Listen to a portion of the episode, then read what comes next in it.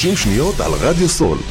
רדיו סול היא תחנת הרדיו האינטרנטית הגדולה בארץ, המשדרת 24 שעות ביממה, מונה 36 שדרנים, ועוברת בשם הוויזואלי.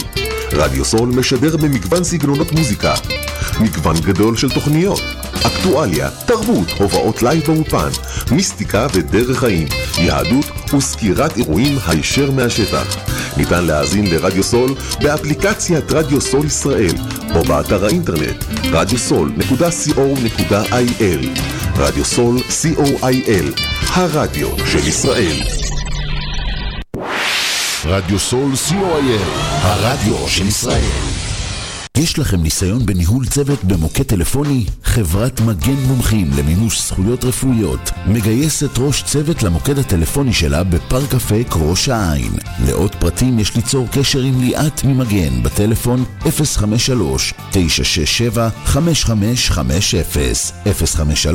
053-967-5550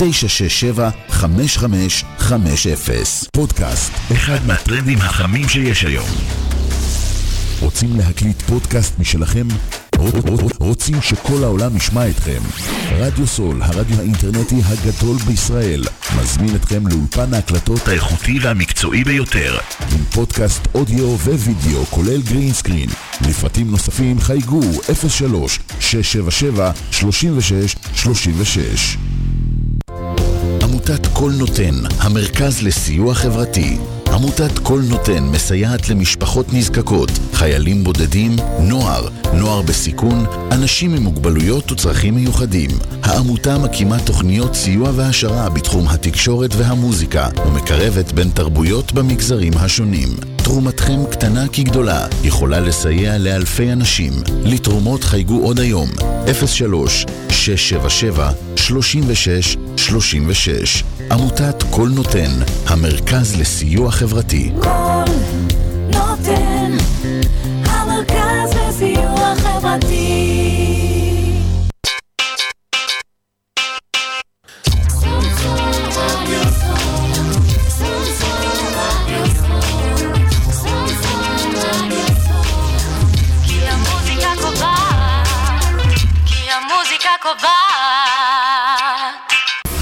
30 שניות על רדיו סול. רדיו סול היא תחנה...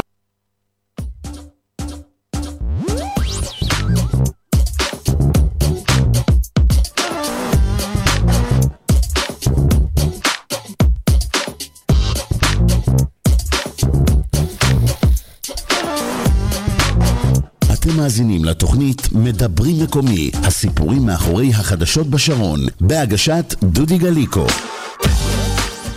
ושלום לכם, שבוע חדש, אנחנו כאן באוויר, שבוע מאוד מורכב עם, אה, עם אסונות, אבל גם עם תקווה, את עידן עמדי לא יוכל אה, לפספס את, אה, את המסר שלו. אנחנו נדבר על זה בהמשך עם האורח שלנו, מיכאל לביא, מה שלומך מיכאל? בסדר גמור. אתה שמעת את אה, עידן עמדי היום? לא, היום לא שמעתי. לא, אז תקרב את המיקרופון גם ישמעו אותך. אוקיי.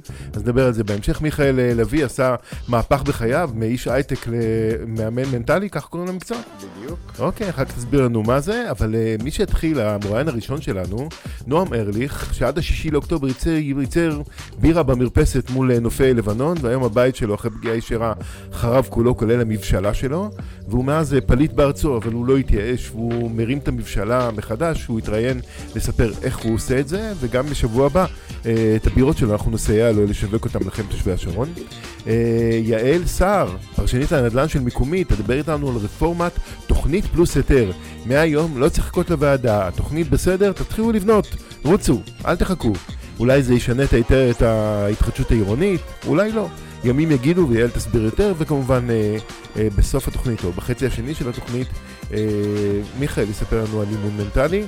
אז נתחיל עם אה, עידן עמדי, מה יותר מתאים מזה?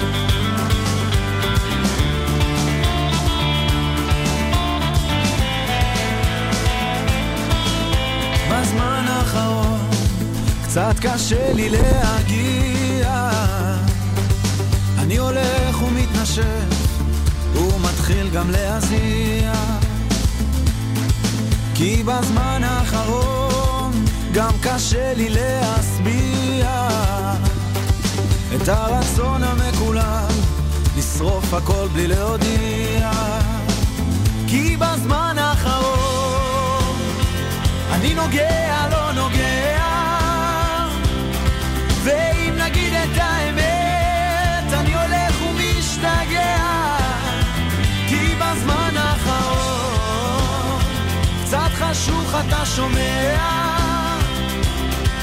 אז תדליק כבר את האור תעשה מה שאתה יודע.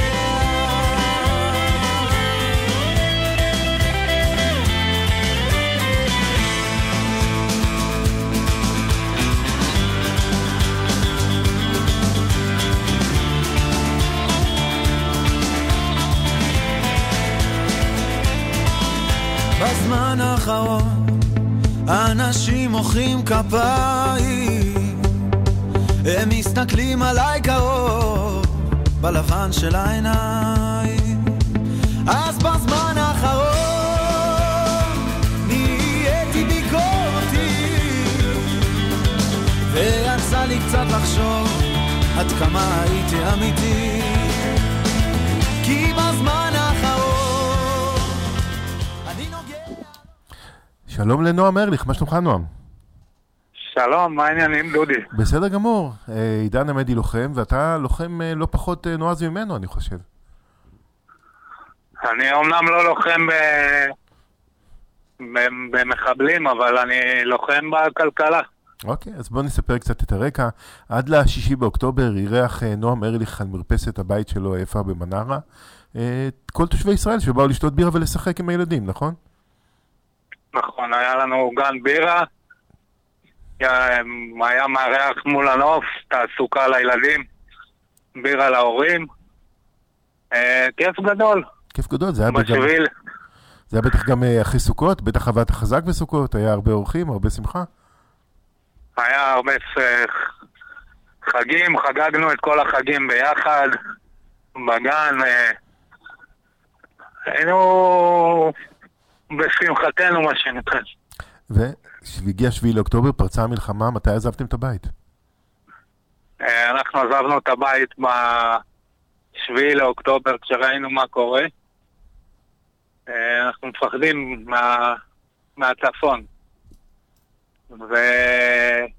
וזהו, מאז אנחנו לא בבית. בשבוע השני של המלחמה.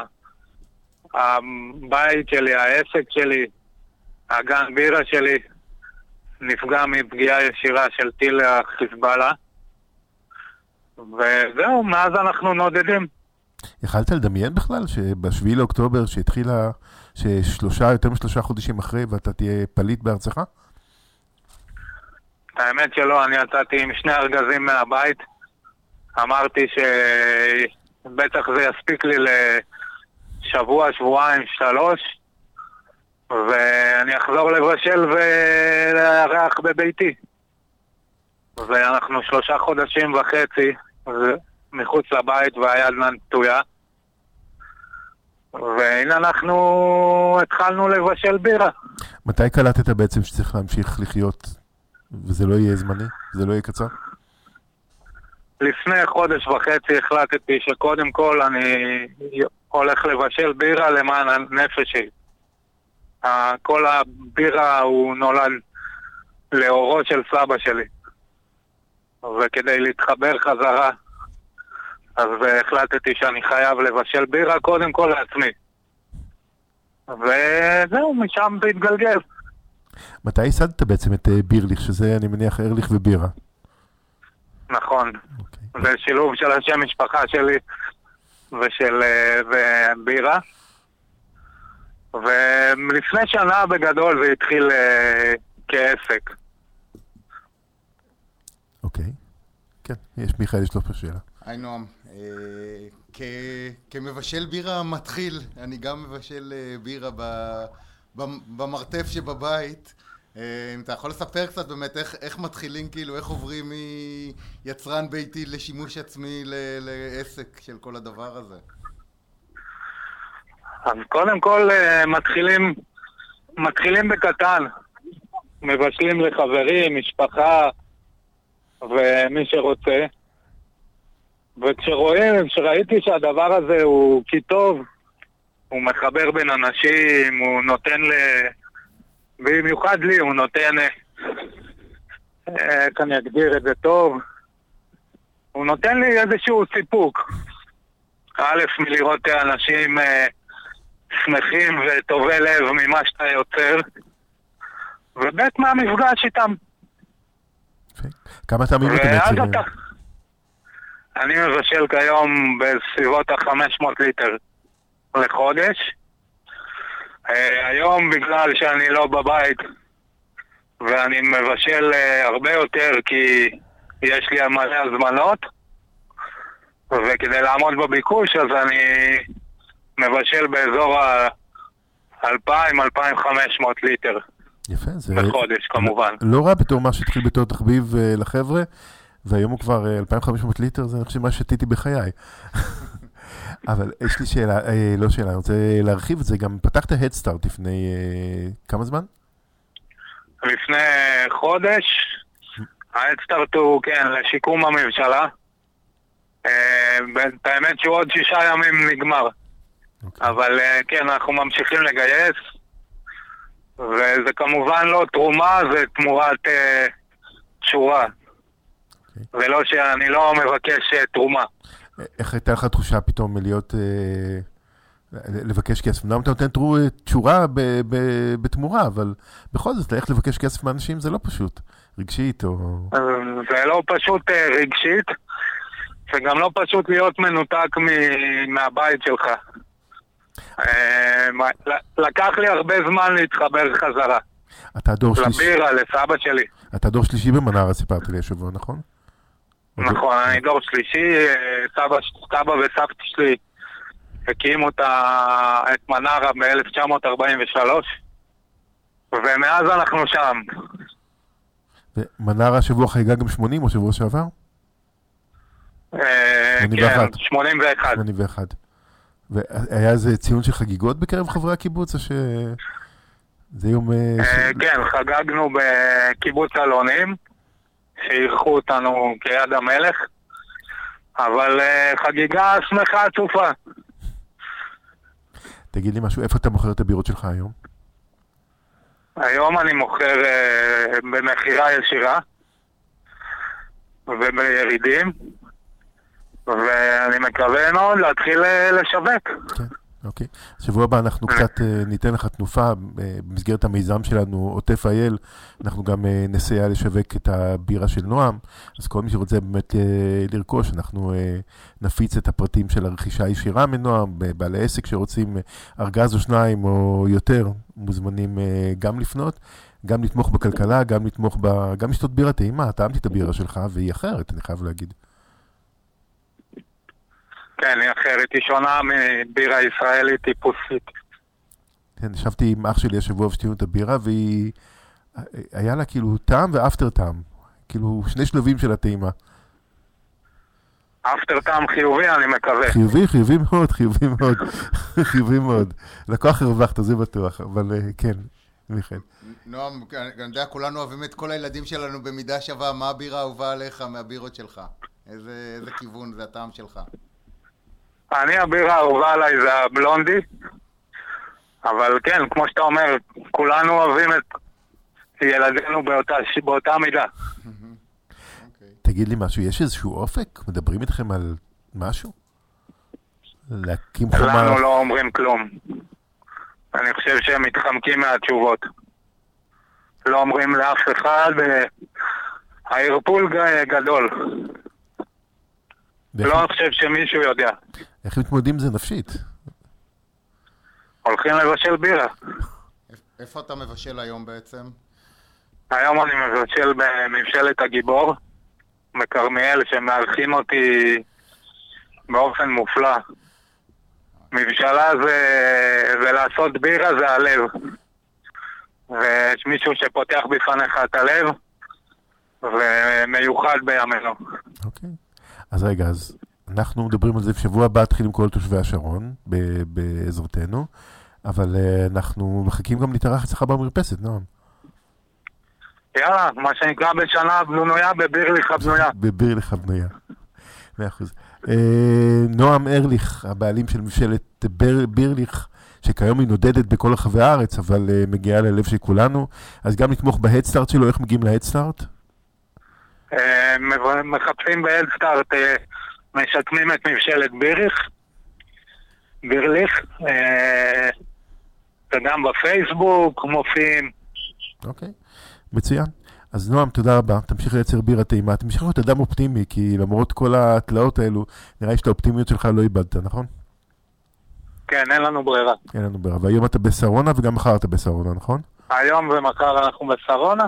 אז מי שרוצה לטעום ישירות מוזמן להגיע היום או מחר לשרונה ולטעום ישירות מהידיים של נועם שימזוג לכם את הבירה שלו, גם בחביות וגם בבקבוקים, ואין לנו ברירה אלא לנצח. לגמרי. אוקיי. נועם, תודה רבה. בבקשה. ביי, להתראות. ביי, להתראות. מה יותר מתאים מהדג נחש ואהוד בנאי, רעדה האדמה, לפני שיעל סער תרעיד לנו את אה, ההתחדשות העירונית.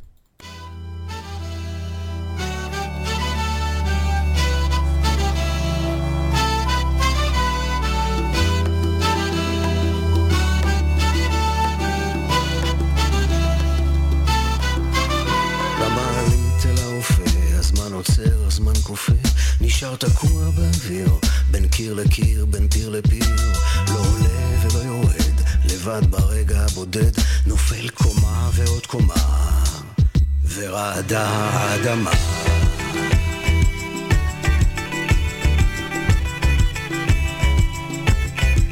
הולך לאורך מסדרון אל מרכז הבקרה.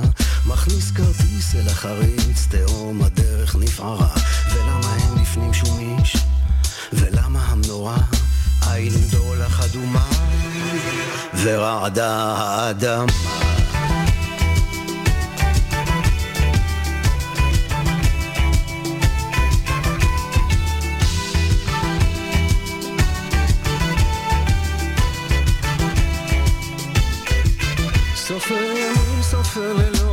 לילות במוצבים ובשמירות והדקות הארוכות על פני הלילה נמתחות האצבעות החשופות מלטפות את הפלדה ורעדה האדמה. המכונית שוב בשורה, זו שיירה שאין ברירה. מאוחדים סביב הסיבה, כמהים ללחם או ריבה. המרוץ הזה סחט את טיפתי האחרונה. לו רק הייתה לי קצת דממה ורעדה האדמה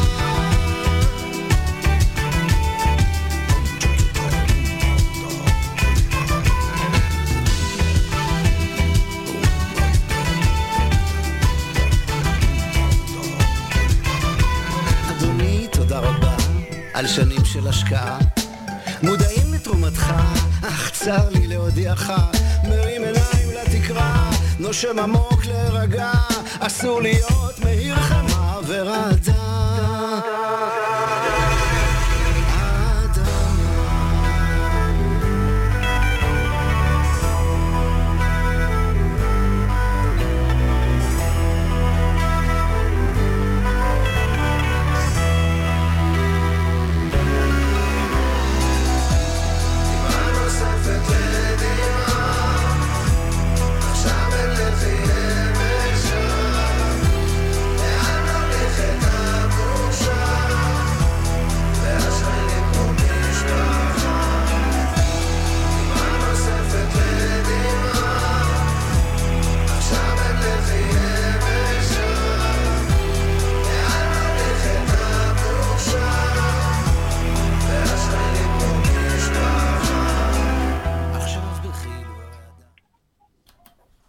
שלום יעל, מה שלומך?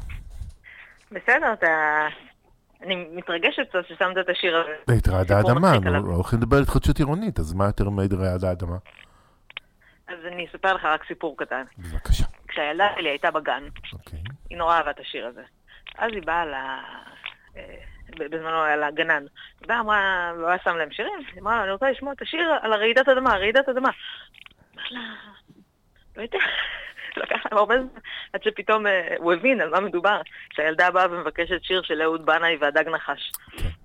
זה אימא מקולקלת, מגדלת ילדה מקולקלת, מוזיקה טובה. כך זה עובד. תתביישי לך. בברבי החדש כבר היית? טרם. טרם. אוקיי, אז יש לך הזדמנות. אה, יעל סער, פרשנית הנדל"ן של מיקומי, או בשמה החדש הנביאה? למה הנביאה, את יודעת? אה, לא, אבל אני מאמצת. אוקיי, בסדר. קניתי. אז יעל כבר אה, שנתיים מטיפה לי שלא צריך היתרי בנייה. לא צריך היתרי בנייה. מי צריך היתרי בנייה? מה זה השטות הזאת בכלל? והשבוע שר הפנים אה, משה ארבל אה, חתם על תקנה, או על רפורמה, או איך שלא יקראו לזה, שמאפשרת, אם הגשת תוכנית והתוכנית עוברת, סע. נכון? כזה. את צוחקת. למה את צוחקת? כי זה הדבר הכי הגיוני שיכול להיות. וסוף סוף הוא הגיע לנו. אוקיי, אז בואי תפרטי לנו בעצם. מה היה עד עכשיו ומה קורה מעכשיו? אז בגדול, מה שהיה עד עכשיו היה עבודה, מה שנקרא עבודה טורית. לצורך העניין, אתה יש לך משימה אחת, אתה חייב לסיים אותה, ואז אתה יכול להתחיל משימה שתיים. בעצם אתה היית מתחיל, אה, היית מקדם תוכנית, ורק אחרי שסיימת לאשר את התוכנית, מה שלקח לך שנתיים, שלוש, לא משנה כמה, בפרויקטים של, התחד... של אה, פינוי-בינוי גדול יכול גם לקחת חמש ושש שנים, סיימת את זה, ורק אז אתה יכול להתחיל לעבוד על ההיתר. אבל בפועל, כל החמש-שש שנים האלה, מה אישרו לך? אישרו לך בעצם את התוכנית של הבניינים, אישרו לך איך יראה הפיתוח של הבניינים, אישרו לך בערך את התוכניות של הדירות, אה, ממה אתה הולך לבנות את זה. בעצם רוב הדברים כבר נקבעו לאורך התוכנית. אז למה עכשיו, אחרי שסיימת ועברת את כל החמש-שש שנים האלה, ואנשים כבר מחכים שנים שיתקדם הליך הפינוי-בינוי אצלם בבית, אתה צריך מההתחלה עכשיו ללכת, להגיש תוכניות חדשות, שזה אותו דבר כמו התוכניות שהגשת בתוכנית, כן? אולי קצת יותר ספציפיות, אבל אותן תוכניות.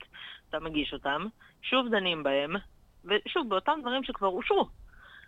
אז אתה שוב ושוב דנים, ושוב יש תחנות, ושוב צריך לעשות את הכל, וזו עבודה שהיא באמת סתם, וזה סתם בירוקרטיה שמעריכה ומרחיקה אנשים מהדירה החדשה והבטוחה שלהם, שתעמוד ברעידת האדמה. אבל איזה סכנה שאולי מישהו, זה פקיד, שכח לחתום על איזשהו טופס של אה, עמידות הקרקע, או, או אישור מזגנים, או עצים. אלוהים אדירים. אז שוב, בגלל זה צריך דברים כאלה לנהל בצורה חכמה ולנהל מראש.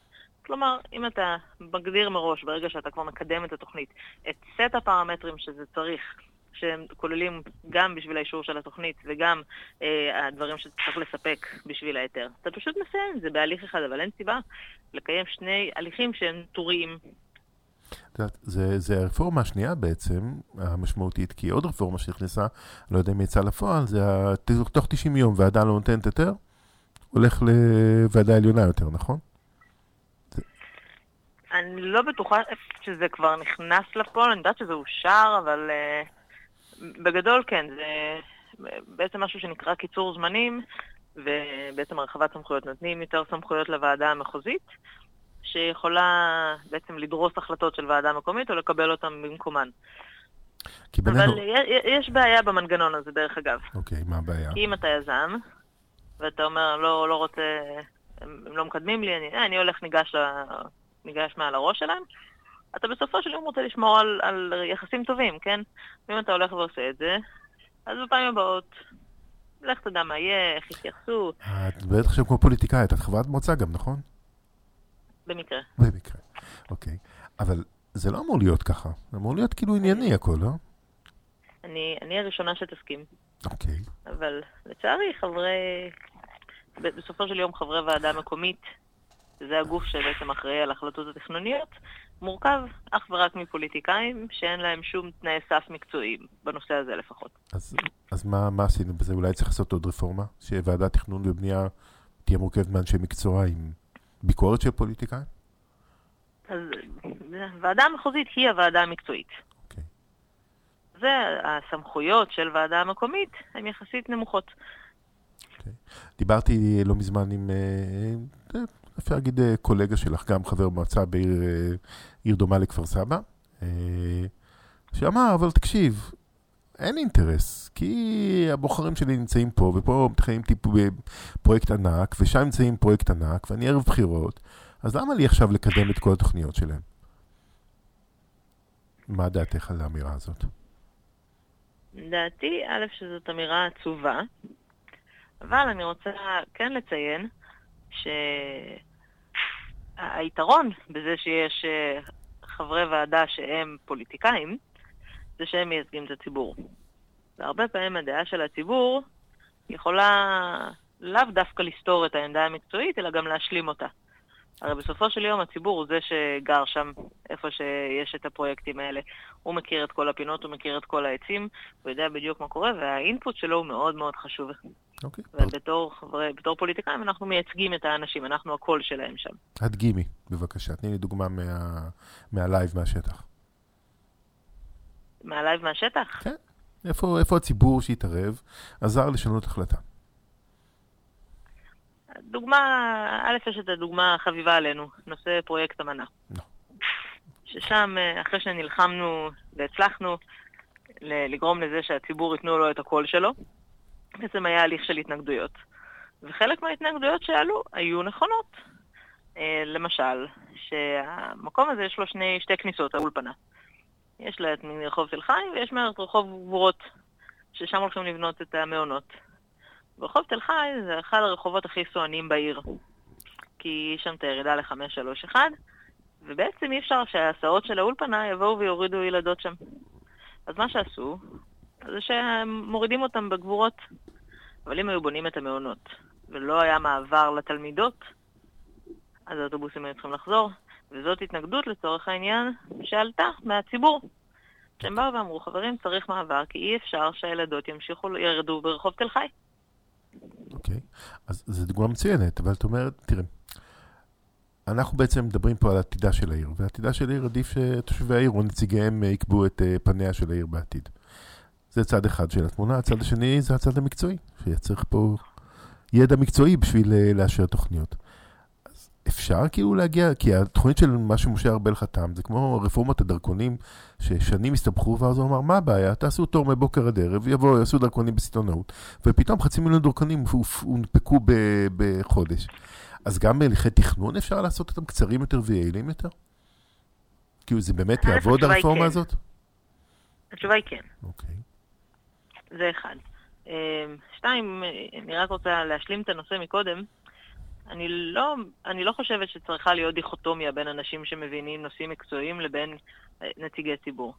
לצורך העניין, מספיק שמשרד הפנים היה משקיע בחברי הוועדות ללמד אותם שלושה, חמישה, שישה קורסים בכל הנושאים שהם צריכים להחליט עליהם, והיינו נראים, היינו נמצאים במקום אחר. אוקיי, אז בואי נרים את זה בתור אה, דגל, קריאה למאבק. אני מוכן להרים את הדגל. או, אוקיי. את מבחינת הסילבוסים? בשמחה רבה. אוקיי, בסדר גמור. יעל סער, אז אה, אני בברבי החדש שבוע הבא, אני אגיד לך איך זה היה. אה, מה את רוצה לשמוע עכשיו? אה, את השיר שבעלי תמיד אוהב להקדיש לי. אני אקדיש לו, כי הוא עכשיו במילואים כבר ביום המאה ועשר של המילואים שלו. 110, איך מסתדרים 110 יום? לכל דבר מתרגלים בחיים. אוקיי, אז מה, איזה שיר את רוצה להקדיש לו? קלאס באפס מאמץ. קלאס באפס מאמץ, אבל באיזה גרסה? נטע וסטטיק. אני יכול את הגרסה. הטובה יותר בבקשה? אתה יכול. אוקיי, אז הנה יסמין מועלם, אה, לכבוד שי, בעלה של יעל סער, שנמצא במילואים כבר 111 ימים. לא יודעת, מי סופר? מי סופר? אז שי, יעל מקדישה לך את קלאס באפס מאמץ בגרסה הטובה והרבה יותר אהובה עליי של יסמין מועלם. תודה רבה, יעל. ביי. ביי ביי. מוזיקה זה גלגלצ. גלגלגלגלצ.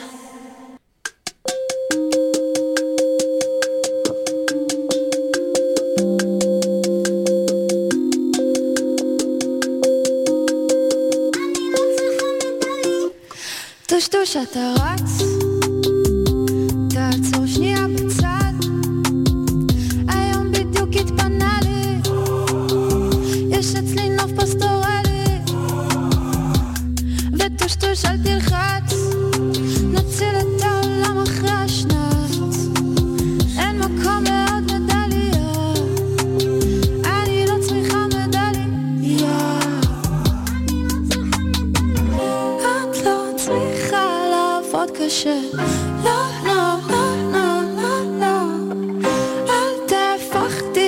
אל תפחדי שיגידו שאני מס, כי את קלאס באפס מאמץ.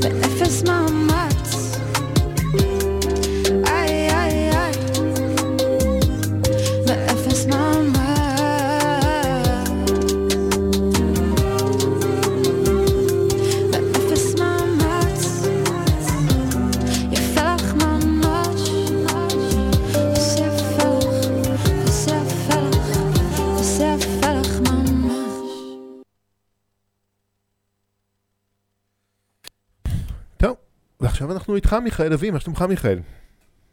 אני בסדר גמור. אוקיי. באמת שמח ומתרגש להיות פה, תודה שהזמנת אותי, דודי. אוקיי, אה, אני אוהב לארח באולפן. אה, יותר נוח לוגיסטית אה, בטלפון, אבל אין כמו מפגש פנים אל פנים. בוא אני אציג אותך, מיכאל אה, לביא הגיע לנו מקיבוץ מגל. אתה תושב יליד רמת השרון, נכון?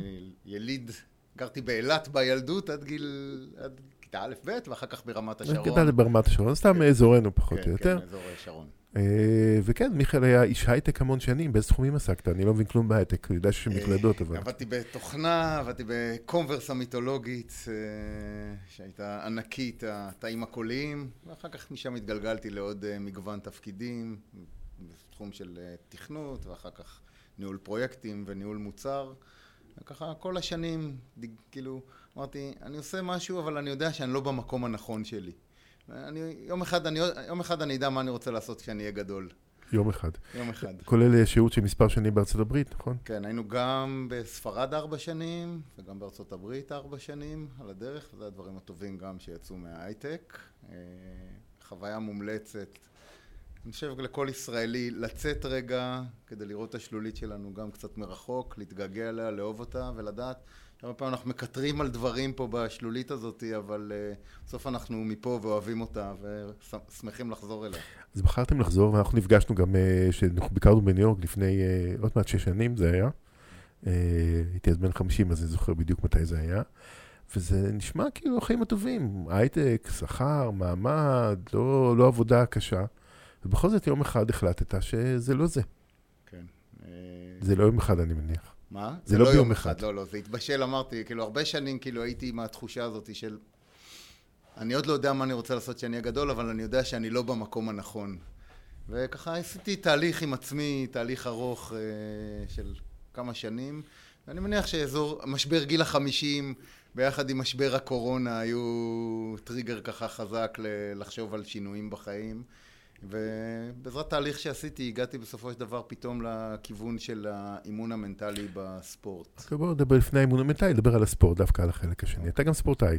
כן. איזה ספורט, איזה ענפי ספורט אתה עושה? אני בעצם כל הילדות שלי עד הצבא בעצם הייתי חותר קייקים אולימפיים, הייתי, הגעתי להישגים, הייתי אלוף ישראל, הצגתי את ישראל בתחרויות, אליפויות עולם בחו"ל והגעתי לצבא וככה התלבטתי ספורטאי מצטיין או לא ולא ממש האמנתי בעצמי ולא היה לי שום תמיכה מנטלית אה, זה, זה קשור גם לסיפור הזה ובסוף החלטתי ללכת לצבא ושירתי בוא, קח, אותי לגיל 18.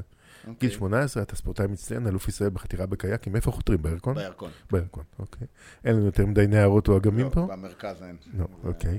היה חותר בירקון, ואז אם היה לך איזה מיכאל שעומד לצדך, מה הוא היה אומר לך? מה הוא היה אומר לי? אני חושב שהוא היה עוזר לי לראות הרבה יותר טוב גם את, ה... את הדברים הטובים, כי מאוד קל להישאב, כאילו אנחנו, הנטייה הטבעית שלנו כבני אדם, וזה מנגנון הישרדותי בעצם שיש לנו, לראות את השלילי, לראות את הדברים הפחות טובים. וזה זה דורש תהליך של באמת לראות את הדברים הטובים וגם לראות את הערך העצמי שלך. אה, ואנחנו הרבה פעמים אה, נופלים בזה, וזה משפיע על ההחלטות שלנו. אה, ואני חושב שמאיזשהו מקום בעצם, אם אתה מקבל החלטה כלשהי והיא ממקום נכון, אז זה בסדר גמור, אבל אם היא מקום של, של פחד, של חוסר, של פחד מכישלון, או פחד מ, מלעמוד מול עצמך, כאילו, בבחירות שבחרת, אז uh, אני חושב שאתה לא במקום, שזה לא בחירה מהמקום הנכון. אוקיי, okay, בוא, בוא נחזור שוב למיכאל. עם איזה עצה היית נותן למיכאל בן ה-18? Uh, הייתי מראה לו גם את התהליך שהוא, שהוא עשה עד, עד לנקודה הזאת, ובאמת, את ה... כשרגע יסתכל ויגדיר מה החלומות שלו, מה השאיפות שלו, לאן הוא רוצה להגיע, את הפוטנציאל שיש לו, ואם הוא רוצה למצות אותו, לפני שהוא מקבל החלטה uh, לוותר מראש. אה, מפחד ש... יש לך איזה חרטות? אם היית אומר, אם הייתי חוזר לגיל 18 הייתי מקבל דרך אחרת? שאתה שלם בדרך שלך? לא, אני חושב שאני שלם כי בסופו של דבר הרווחתי הרבה מאוד דברים, אז הלכתי ושירתי בצנחנים, ואני חושב שזה גם משהו שעיצב את החיים שלי והחברים שהיו לי והדברים שעברתי, אז אני לא מצטער בגלל המסלול האלטרנטיבי שהיה, אבל אני כן מצטער על, על דרך קבלת ההחלטות, כאילו בעצם, שאם הייתי יכול לקבל החלטות בצורה יותר נכונה, בגיל ההוא זה היה עוזר לי. אוקיי, אז בהמשך אמרנו אה, חתירה בקייקים בגיל צעיר, ובהמשך כן. מה עוד... אחר כך הייתי טריאטלט הרבה שנים, ורצתי, ורץ מרתונים. אה, בשנים האחרונות חזרתי לקייקים, ואני מאמן קבוצת אה, סרפסקי, שזה סוג של קייק ימי מאוד מהיר בשדות ים. אז חזרתי לספורט, והספורט ככה איכשהו ליווה אותי כל... כל החיים, זה היה העוגן שלי בעצם, גם בכל התקופה שעבדתי בהייטק. אז היה את העבודה עם כל הקשיים שלה וכל הדברים, והספורט זה היה, אוקיי, המקום שלי, המקום רגע לאפסן את המוח ואת כל הדברים שיש, וללכת כמו השיר שבאפס מאמץ, כאילו שרגע שמענו, זה החיבור לגמרי. אתה פתאום נמצא בקומפורט זון שלך, במקום שלך, בבית שלך. כי אני יכול להעיד על עצמי, ש... אחרי השירות הצבאי, אני שנים נמנעתי מלעסוק בפעילות ספורטיבית, מבחינתי זה היה סוג של עונש. גם שירות קרבי, הרבה הליכות, הרבה ריצות, הרבה מאמץ פיזי, ושנים, עד אזור גיל 40, לא סירבתי לעשות שום דבר. מגיל 40 חזרתי לזה, אם זה לריצה, אם זה לשחייה, אם זה ליוגה, אם דברים כאלה. פתאום אה, מצאתי את שלוות הנפש שאתה מדבר בה, כי זה לא מחליף, זה מוסיף. כן. זה נותן לך פתאום, היום בבוקר שחיתי על בריכה, וכשנכנס למים, כל כך הרבה רעיונות, כן. שוטפים אותך. זה, זה לגמרי, אני חושב שזה גם בכל השנים בהייטק. הייתי עם בעיות שיש בעבודה או כל מיני דברים, הייתי יודע, אוקיי, אני אצא לרוץ, שם זה כבר, כאילו, כשאתה שם את המוח על טייס אוטומטי ורגע מפסיק עם כל המחשבות של לעשות, פתאום אתה פנוי רגע ליצירתיות, לדברים הטובים שמגיעים לנו באמת במהלך הספורט. אה, וזה לגמרי, הספורט הוא, הוא, הוא כלי ודרך חיים והוא נותן לנו המון כלים לחיים. אוקיי. אז הגענו, התקרבנו לגיל 50, ואיך נחשפת לעולם האימון המנטלי? אה, האמת היא, במסגרת תהליך שעשיתי של ליווי, אה, ליווי אישי, שעברתי, אה, באמת בחנתי כל מיני כיוונים, ש... ובסוף הבנתי שאני, הספורט, קודם כל הוא, הוא משהו ש... שהוא טבוע בי והוא חלק באמת, חלק מהחיים שלי וממש מהאמונות שלי. ומצד שני, עבודה עם אנשים ועזרה זה גם משהו שבעצם עשיתי ככה כל השנים על הדרך, כאילו גם לחברים, גם בעבודה, ופתאום נחשפתי לה, במקרה לתחום הזה של האימון המנטלי, אמרתי לספורטאים, פתאום אמרתי, רגע, זה מתחבר שניהם ביחד, זה בדיוק ה... יש שם למה שאני אוהב, למה כן, שאני אוהב לעשות. בדיוק. יש לזה שם, ופתאום אמרתי, את זה אני רוצה. אז אני רוצה לנקודה הזאת, רגע ההחלטה. רגע ההחלטה היא לעזוב קריירה בהייטק. עם כבר מעמד שהם נניח אה, רמת שכר אה, גבוהה ממוצע. בכל זאת, יש לך משפחה, יש לך... לא, לא מפחיד לעשות את הצעד הזה? אה, אני חושב שקודם כל הבסיס לשינויים, אתה באמת חייב את התמיכה הזאת מהבית, ודנה אשתי מאפשרת לי באמת כאילו את ה... אני חושב שזה חשוב מאוד, התמיכה הזאת ש... שזה הדבר הזה מגיע באמת ממקום של הסכמה והבנה, כאילו, כי כמו שאתה אומר, בסוף אתה רגע מנער את הספינה וכולם, כל מי שעל הספינה הזאת מתנער ביחד איתה, אה, אבל אני חושב שבסופו של דבר המחיר שאתה משלם מלא לקחת את ההחלטה הזאת, הוא, הוא פוגע גם כן ב, ב, בכל, בכל היושבים בספינה. הבן אדם שהוא מתוסכל ו- ולא מרוצה מ- מ- מהיום יום וקם בבוקר בלי חיוך והולך עייף לעבודה וחוזר מתוסכל מהעבודה וככה נגרר עוד שבוע ועוד שבוע ועוד שבוע אה, זה, זה פוגע בסוף ב- בכולם מסביבו באותה מידה. אני חייב להגיד לך ש story of my life של הרבה מאוד אה, גברים ונשים, אני חושב בגיל. סוף שנות ה-40, 50, אחרי קריירה של כבר 25 שנה, עובדים במקצוע שהם חשבו שהוא נכון להם. אני יכול להעיד על עצמי שבגיל 50, כי החלטתי לעשות שינוי, לקחתי שנתיים עד שהגעתי, אבל זו הייתה בחירה בין או לצמוח או לצנוח. Uh, ממש ככה הרגשתי.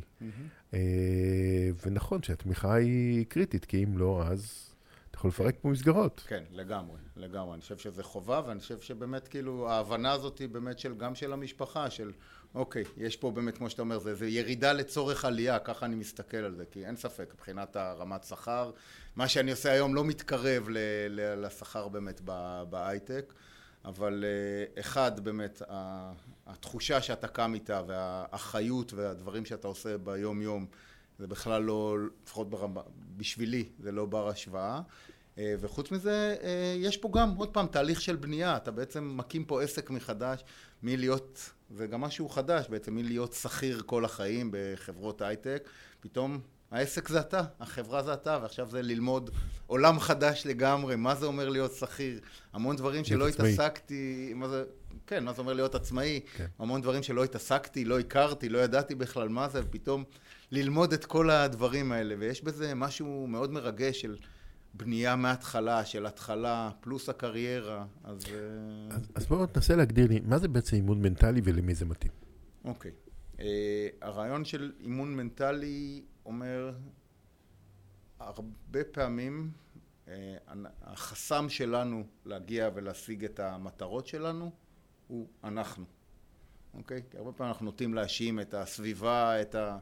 אבל החסמים הגדולים בדרך כלל מגיעים מתוכנו מבפנים. אה, כשהרעיון באמת באימון המנטלי אומר בוא נעזור לך את הצד הפיזי ואת הצד הזה אתה אנחנו אנשים מתאמנים ספורטאים מתאמנים כל החיים בעצם אם אני אחלק את העולם הזה אז בעצם יש לנו את הצד של הכושר הגופני את הצד הטקטי טכני של כל ענף ספורט לא משנה א- איזה ענף ספורט שיהיה ויש את הצד המנטלי שאותו בדרך כלל אנחנו לא, לא נוגעים בו באמת שזה אומר כל, כל המחשבות שעוברות לי בראש בעצם גם במהלך ההכנות, האימונים, הביצוע עצמו ואיך אני בעצם מתמודד עם זה ואיזה מקום אני נותן לזה והאם אני נותן לזה לעזור לי או להפריע לי. והאימון המנטלי הוא המקום של באמת לתת לי להגיע לביצועים המיטביים שאני יכול בעזרת הכלים שיש לי. כי אתה הפרדת את זה בעצם לשלושה חלקים. כושר גופני זה משהו שאפשר לבנות. נכון שיש כאלה שתמיד יהיו בכושר יותר טוב, עם כושר טבעי. אה, כישורים, גם אפשר לפתח, אבל עדיין צריך פה... זאת אומרת, שיכול להיות שחקן כדורגל לדוגמה, שהוא יכול להיות בכושר פנטסטי, שיש לו יכולת בעיטה לשער נפלאה, אבל כשהוא מגיע למשחק, משהו עוצר ממנו לבצע. לבצע, ואנחנו רואים את זה, וזה מוכר כאילו גם אצל ספורטאים, אני מניח שגם הרבה מההורים שמקשיבים לנו עכשיו מכירים את זה מהצד של הילדים שלהם, על ספורטאים שבאימונים, אתה רואה אותם, הם מדהימים, הם מגיעים לביצועים, וזה לא, לא משנה מה ענף הספורט, אם זה באמת בכדורגל, שאתה רואה באמת שבאימונים הם, הם, הם מגיעים לרמות מאוד גבוהות, או בענפים שבאמת אתה יכול ממש למדוד תוצאות שאנשים מגיעים, ומגיע יום התחרות, יום המשחק, והם לא מצליחים להתעלות לאותה רמה שהם מגיעים אליה באימונים. וזה מלמד אותנו הרבה פעמים שאוקיי, בצד הכושר ובצד הטכני יש להם את הנתונים ויש להם את המקום. אבל בעצם השריר השלישי שאנחנו מדברים עליו, שזה הצד המנטלי, בסופו של דבר הוא גם כן שריר שאנחנו יכולים לאמן אותו ולפתח אותו כדי להגיע, בוא- לאזן את העוגה הזאת שתהיה מאוזנת מכל בוא הכיוונים. ניקח ספורטאי על ואחר כך נרד למטה. ניקח ספורטאי על כמו אה, לברון ג'יימס לדוגמה, אוקיי? שהוא פיזית כאילו בנוי לתפארת והכל, אבל מה הופך אותו ללברון ג'יימס? שיש שחקנים אחרים שגם אולי מבחינת הגובה, מימדים, כישורים, אה, כושר טכני, מה הופך אותו ללברון ג'יימס, או את מסי למסי, או... אז אה, קודם כל יש לנו, אני חושב שיש פה הרבה מאוד, אנחנו יכולים להיכנס גם ספציפית לתוך כל אחד מהם, אבל אם ניקח מרכיבים כלליים באמת של ספורטאים ושל, אה, אם ניקח, אתה נתת פה דוגמאות של הגוטים, של ה-greatest of all time, באמת של ספורטאי, כן. כן, של ספורטאי האגדות המהלכות, אז באמת, אה, אם, אם ניקח וננסה לרגע לפרק מה יש שם אצל הספורטאים האלה, אז מעבר ל...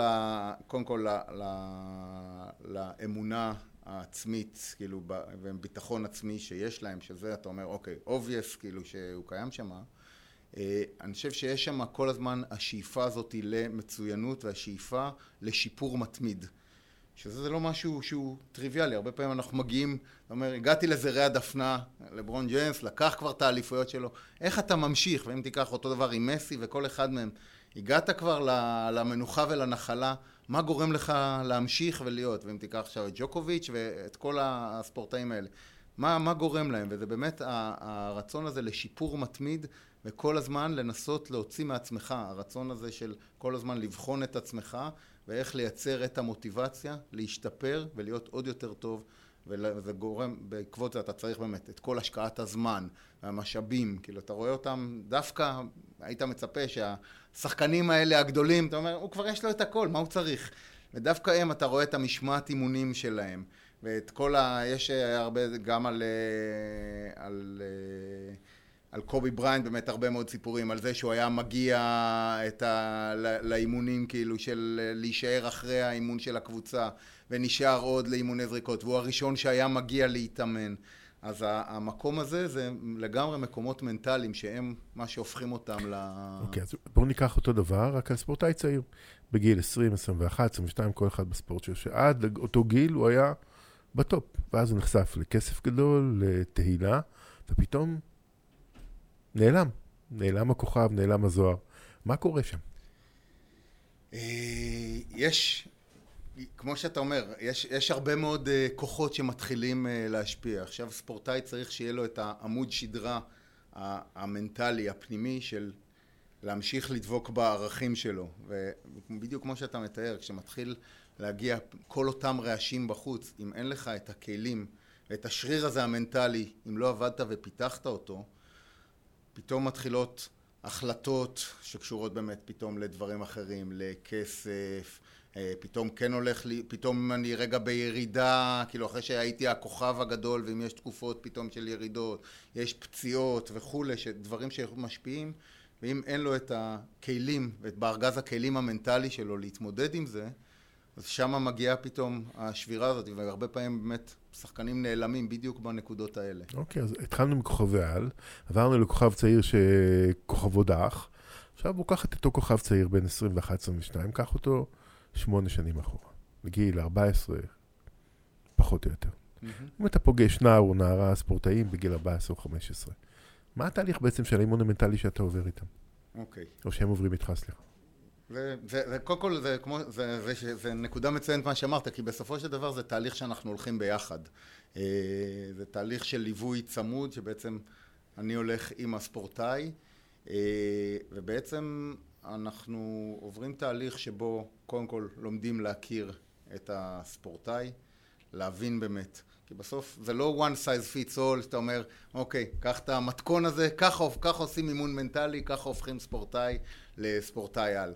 כל אחד הוא, כל אדם הוא, הוא מיוחד עם מבנה אישיות שלו, עם הדברים שהוא חווה, והרעיון הוא באמת להבין איפה הוא נמצא בנקודה הזאת, מה, מה הדברים שדוחפים אותו, מה, יש ספורטאים שיש להם מוטיבציה פנימית בצורה טבעית, יש כאלה שהם מונעים בעיקר על ידי מוטיבציה חיצונית, ואנחנו רוצים לנסות לעזור להם לקבל גם מוטיבציה פנימית. בעצם המוטיבציה זה אחד הדרייבים החזקים באמת להצלחה.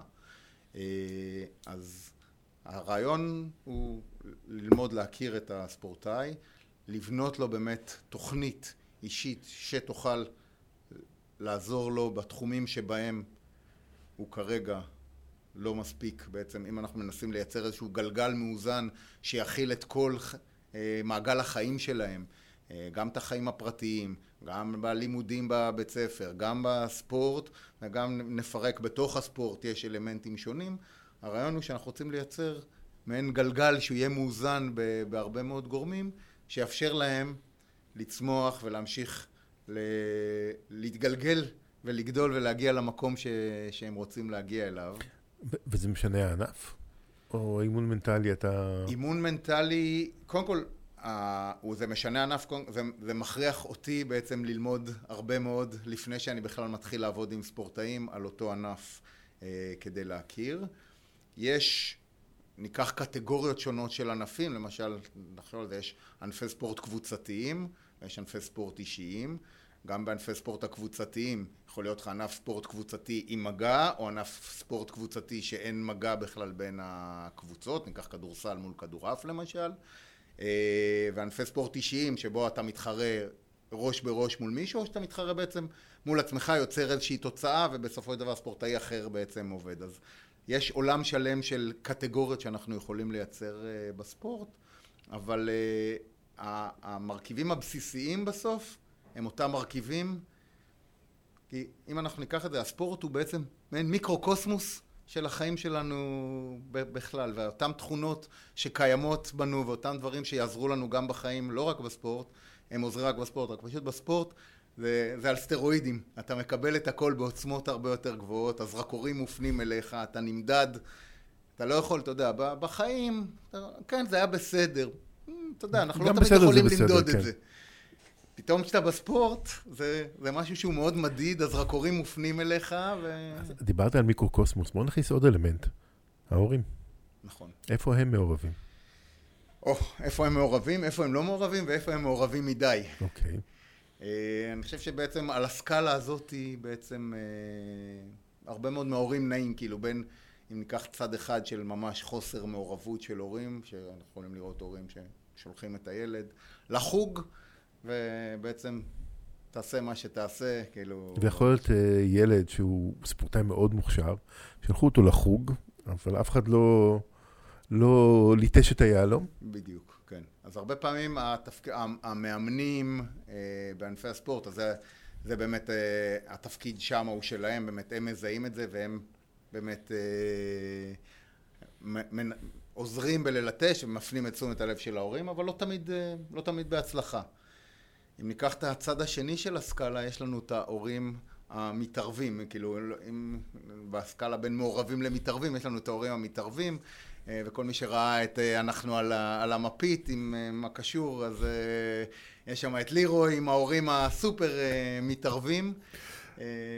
אז שזה הצד השני של הסקאלה, ובעצם מה שקורה שם, בעצם מופעל במקום שההורים יעזרו לילד להתמודד ולפתח את היכולות ואת אותם כלים מנטליים, מה שקורה, הם מייצרים עליו עוד לחץ בעצם.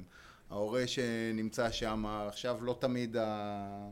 אנחנו מדברים פה בכלליות, אבל יש פעמים שבעצם הספורט של הילד הוא בכלל הגשמה של חלומות של ההורים, זה קיים בהרבה ענפים, בהרבה תחומים אחרים, לא רק בספורט, אבל אנחנו רואים את זה גם בספורט. שאלה- סבא היה עורך דין, האבא היה עורך דין, למה אתה לא עורך דין? בדיוק, אוקיי. והשאלה מי רוצה את זה יותר באמת, אתה רואה, כאילו, את הילד שנמצא בספורט, והוא עושה, לא, לא נותן את דבר, אבל למה אתה לא? כי הרבה פעמים זה בא מהאבא ולא מהילד. ובסופו של דבר, חשוב מאוד שיהיה פה דיאלוג של ההורים עם הילד, אה, של מה באמת הילדים שלנו רוצים. כי הרבה פעמים אנחנו אומרים, "או, אוקיי, הוא עוד צעיר, הוא עוד לא יודע, הוא עוד לא... אבל אה, אם אנחנו לא, לא נדע לפתח את הדיאלוג הזה, זה יכול להיות פה מצבים של ריצוי, יכול להיות הרבה מאוד אה, דברים שבאמת בסופו של דבר הם לא לטובתו של, ה, של הילד. אני חושב שאם אני, אני צריך ככה ב- בשיחה הקצרה שלנו לזקק את זה, הייתי אומר, בסופו של דבר מה שהילדים שלנו הכי צריכים, הם מחפשים שבבית שלהם הם יקבלו את החום ואת האהבה, ושידעו שאוהבים אותם בעצם ללא תנאי, ולא קשור לתוצאות ולמה שקורה במגרש. וכולנו מכירים את זה, את ה... כל מי שהיה ספורטאי מכיר את זה, אני בטוח, אה, ואם לא, אז גם ממקומות אחרים, את השיחה של ההורים אחרי שנגמר המשחק, נכנסים למכונית ונוסעים, וההורים מתחילים, למה לא עשית ככה? למה עשית ככה? שהילד, הוא, הוא גמר כרגע את המשחק, הוא יודע, לרוב הוא יודע בדיוק מה לא היה בסדר, הוא לא מחפש עוד מישהו שייתן לו ביקורת ופרשנויות. כל מה שהוא צריך זה... אבל זה נכון גם לחיים, אתה יודע, בתור מנהל, גם אני אומר לעצמי, עובד אה, שלא ביצע את המשימה שלו כמו שצריך, כשל.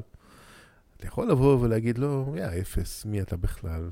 איך יכול להיות שאני כל כך הרבה השקעתי בך? או להגיד לו, תקשיב, יכול להיות שהיה פה בעיה בביצוע, בואו נבדק מה היה בסדר, מה היה הבעיה, ונשפר את זה הלאה.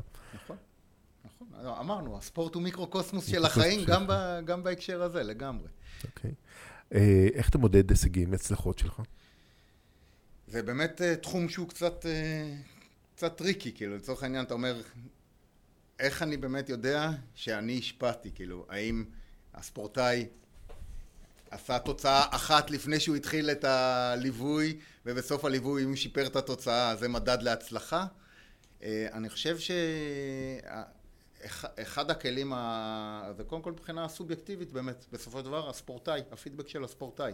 אם הספורטאי מבחינתו הוא מרגיש שהתהליך הזה תרם לו ועזר לו, מבחינתי הייתה פה הצלחה.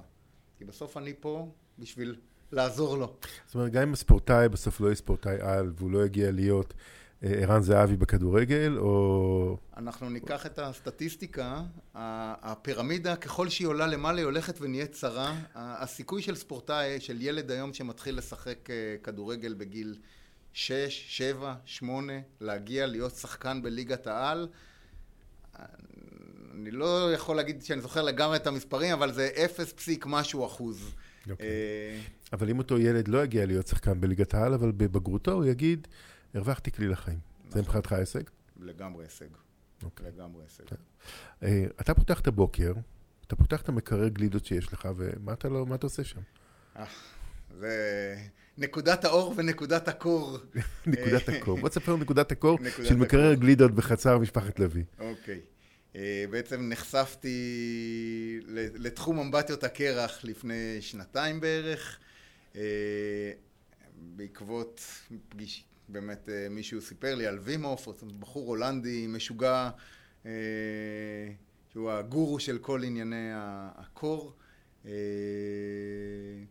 הרעיון באמת של הקור והחשיפה לקור אומר בעצם לקור יש יתרונות לגוף שלנו גם פיזיולוגיים וגם uh, מנטליים.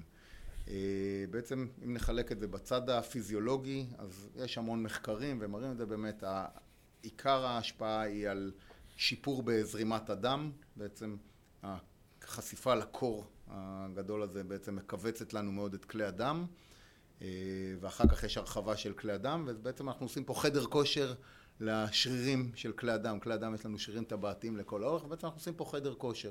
אז חשיפה קבועה לקור, וזה יכול להיות לא, לא רק באמבטיות קרח, זה גם יכול להיות במקלחות קרות, זה יכול להיות בים, אה, בטח בחורף.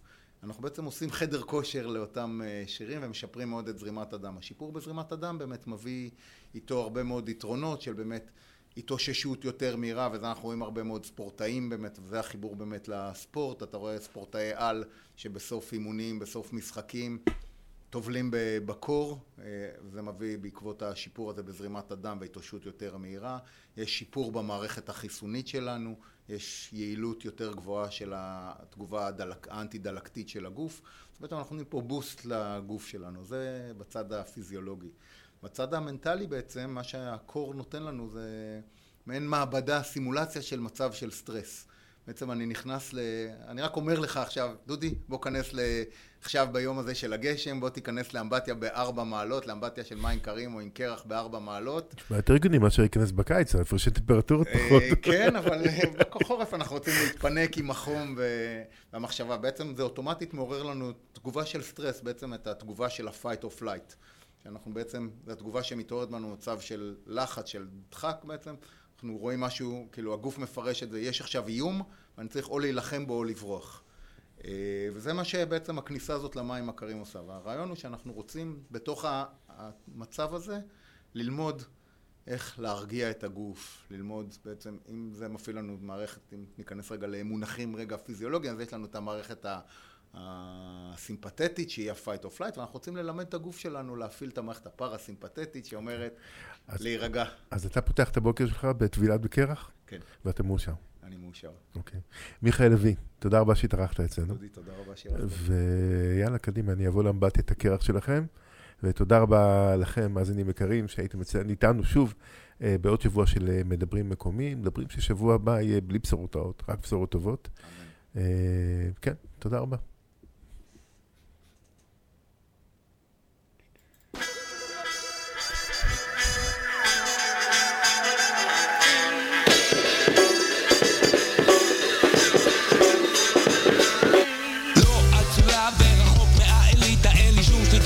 Deixa nós